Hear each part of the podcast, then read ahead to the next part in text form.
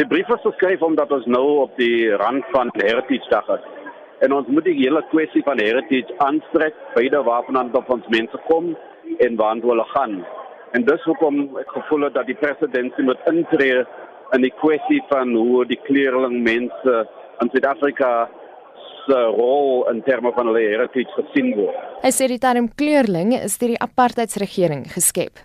Toe kyk ons na waar is ons uh, herkoms vandaan en voor Jan van der Riebeeck aan die Kaap aangekom het, was daar 'n trade stasie wat die ou kasteel nou gebou is wat geran was hier 'n klomp mense wat vandag sou gesien word as kleerlinge. Hulle was 'n verskeidenheid mense van verskillende lande en verskillende kulture. En so dis regtig die begin van daai vibrant uh, melting pot van die verskillende mense van Afrika, Suid-Afrika, Maleisië en oral wat bymekaar gekom het en daardie trade station was op die op die mond van die Kamisa rivier. Daar die verbinding van hy woord Kamisa met die volk. Hy sê dis 'n meer gepaste benaming. Die brief het reaksie uit alle oorde gelok.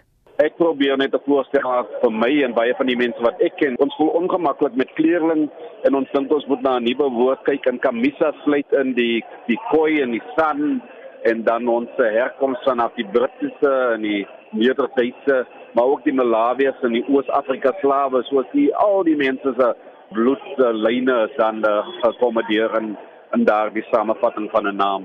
Volgens Ehrenreich word bruin mense afgesny van die res van Afrika wanneer hulle kleurling of colored genoem word. Bruin mense, kleurlinge of kamisa, whatever mense dan nou wil noem, word de-Africanized van beide die land se wette sowel as die ANC sê it's blacks in general and African in particular. So dis die wettige kwessie en die beleidskwessie wat ek met die president van die land aanspreek. Die ander kwessie is semantiek van of ons nog Kamisa of kleerling of enige ander name is, but it's the de-Africanization of colored wat die fundamentele punt is wat ek maak aan die presidentskap om aangespreek te word.